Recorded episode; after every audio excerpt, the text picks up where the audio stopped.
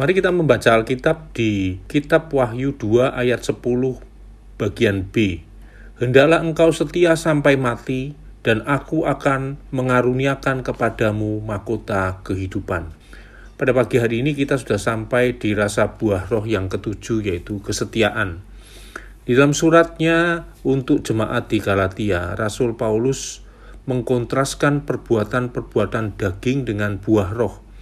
Rasul Paulus tidak membandingkan perbuatan daging versus perbuatan roh, karena pada hakikatnya buah roh bukan hasil dari perbuatan atau kesanggupan manusia berdosa tanpa intervensi dari Roh Kudus.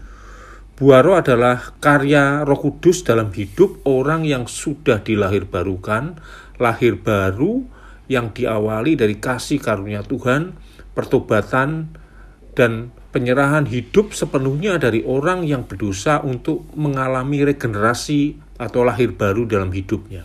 Dari Galatia 5 ayat 22, kita diperkenalkan akan buah roh yang tunggal dengan sembilan rasa yang harus nampak nyata dalam hidup orang yang sudah lahir baru tadi. Untuk lebih mudah memahami sembilan rasa buah roh yang kita pelajari, saya baginya menjadi tiga bagian besar. Tiga yang pertama yaitu kasih sukacita dan damai sejahtera adalah rasa buah roh yang hanya kita bisa dapat dari Tuhan, bukan dari dunia ini dan menjadi tuntunan dasar di dalam aplikasinya dalam hidup kita. Tiga rasa buah roh yang pertama ini adalah anugerah Tuhan yang terbesar bagi hidup kita. Kemudian tiga bagian yang kedua, kesabaran, kemurahan, dan kebaikan adalah karakter ilahi yang menjadi patron dalam hidup kita. Jadi karakter Tuhan yang menjadi teladan di dalam kehidupan kita. Dan kita melakukannya menjadi berkat dan terang bagi sesama kita. Dan ada tiga bagian yang ketiga, kesetiaan, kelemah lembutan, penguasaan diri adalah satu ciri utama yang nampak pada orang-orang yang sudah lahir baru dan menjadi lifestyle di dalam kehidupannya. Kesetiaan di dalam bahasa Yunani-nya memakai kata pistis yang artinya iman. Dan menarik sekali di dalam bahasa Inggris, kesetiaan memakai kata faithfulness dengan kata dasar yang sama dengan pistis, yaitu faith, yang artinya iman. Bahasa Inggris dengan indah memakai kata yang berjenjang untuk perkataan kesetiaan ini. Faith di dalam bahasa Indonesia adalah iman. Faithful adalah setia, sedangkan faithfulness adalah kesetiaan. Jadi akar kata kesetiaan adalah iman. Ini adalah ciri utama rasa buah roh kesetiaan. Iman di dalam konteks kesetiaan adalah perbuatan dan pikiran kita untuk mengaku kebenaran tentang kasih karunia di dalam Kristus. Dan iman itu dilanjutkan dengan perbuatan kita percaya. Percaya adalah perbuatan dan kemauan kita di mana kita menerima Tuhan Yesus secara pribadi di dalam hati kita.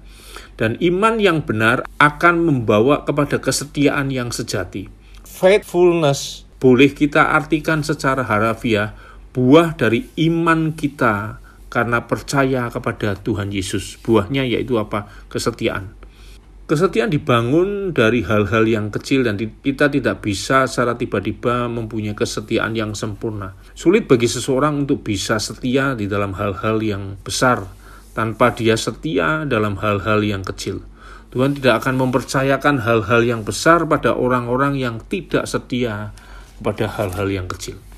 Tujuan kesetiaan bukan agar kita ini bisa melakukan pekerjaan bagi Tuhan, tetapi bahwa Tuhan dapat dengan bebas melakukan karyanya melalui kehidupan kita dengan tanggung jawab. Itu inti kesetiaan. Jadi lifestyle kesetiaan itu intinya ujungnya adalah Tuhan akan pakai hidup kita di dalam anugerahnya yang besar dan kita diberi tanggung jawab untuk menjadi alatnya. Sering sekali kesetiaan seseorang itu tergantung dari kondisi yang ada yang dialaminya. Jadi misalnya kondisinya tidak sesuai dengan harapan, kesetiaan itu bisa luntur. Di firman Tuhan kita bisa mengambil dua contoh tentang kesetiaan. Yang pertama adalah tokoh Nabi Yeremia. Nabi Yeremia adalah seorang nabi yang setia memberitakan firman Allah meski menghadapi kesukaran demi kesukaran dan kepahitan demi kepahitan sejak dia menerima panggilan Allah. Kisah Nabi Yeremia ini sungguh sangat luar biasa di dalam dia diuji tentang kesetiaannya kepada Tuhan. Tidak ada hal-hal yang bisa dibanggakan Nabi Yeremia. Di antaranya tidak ada mujizat yang dibuat oleh Nabi Yeremia di dalam karya kenabiannya. Tetapi dia tetap setia di tengah nabi-nabi palsu yang menubuatkan banyak hal yang tidak benar kepada bangsa Israel. Nabi Yeremia tetap pegang kesetiaan konsisten untuk memberitakan kebenaran firman Tuhan. Yang kedua adalah jemaat Smyrna. Dalam ayat yang kita baca tadi pada pagi hari ini, jemaat Smyrna di dalam kesusahan dan kemiskinannya tetap punya kesetiaan yang luar biasa kepada Tuhan.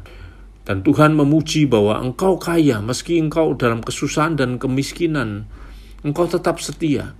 Dan firman Tuhan kepada jemaat Smyrna dan kepada kita juga pada pagi hari ini, hendaklah engkau setia sampai mati dan Tuhan akan mengaruniakan mahkota kehidupan. Ini adalah suatu pengharapan bagi kita dalam kehidupan ini supaya kita bisa menampakkan rasa buah roh kesetiaan bukan karena kekuatan kita, bukan karena hal-hal yang kita banggakan di dalam kehidupan kita, tapi karena kasih karunia dan karya Roh Kudus di dalam hidup kita, sehingga kesetiaan itu bisa nampak nyata dan kita menjadi pelakunya, pelaku firman Tuhan di dalam anugerah dan buah Roh itu nyata dalam kehidupan kita. Selamat pagi Bapak Ibu semua, selamat kita masuki hari yang baru dan kita boleh menjadi pelaku-pelaku firman, melakukan kesetiaan di dalam segala segi kehidupan kita. Tuhan Yesus memberkati kita semua.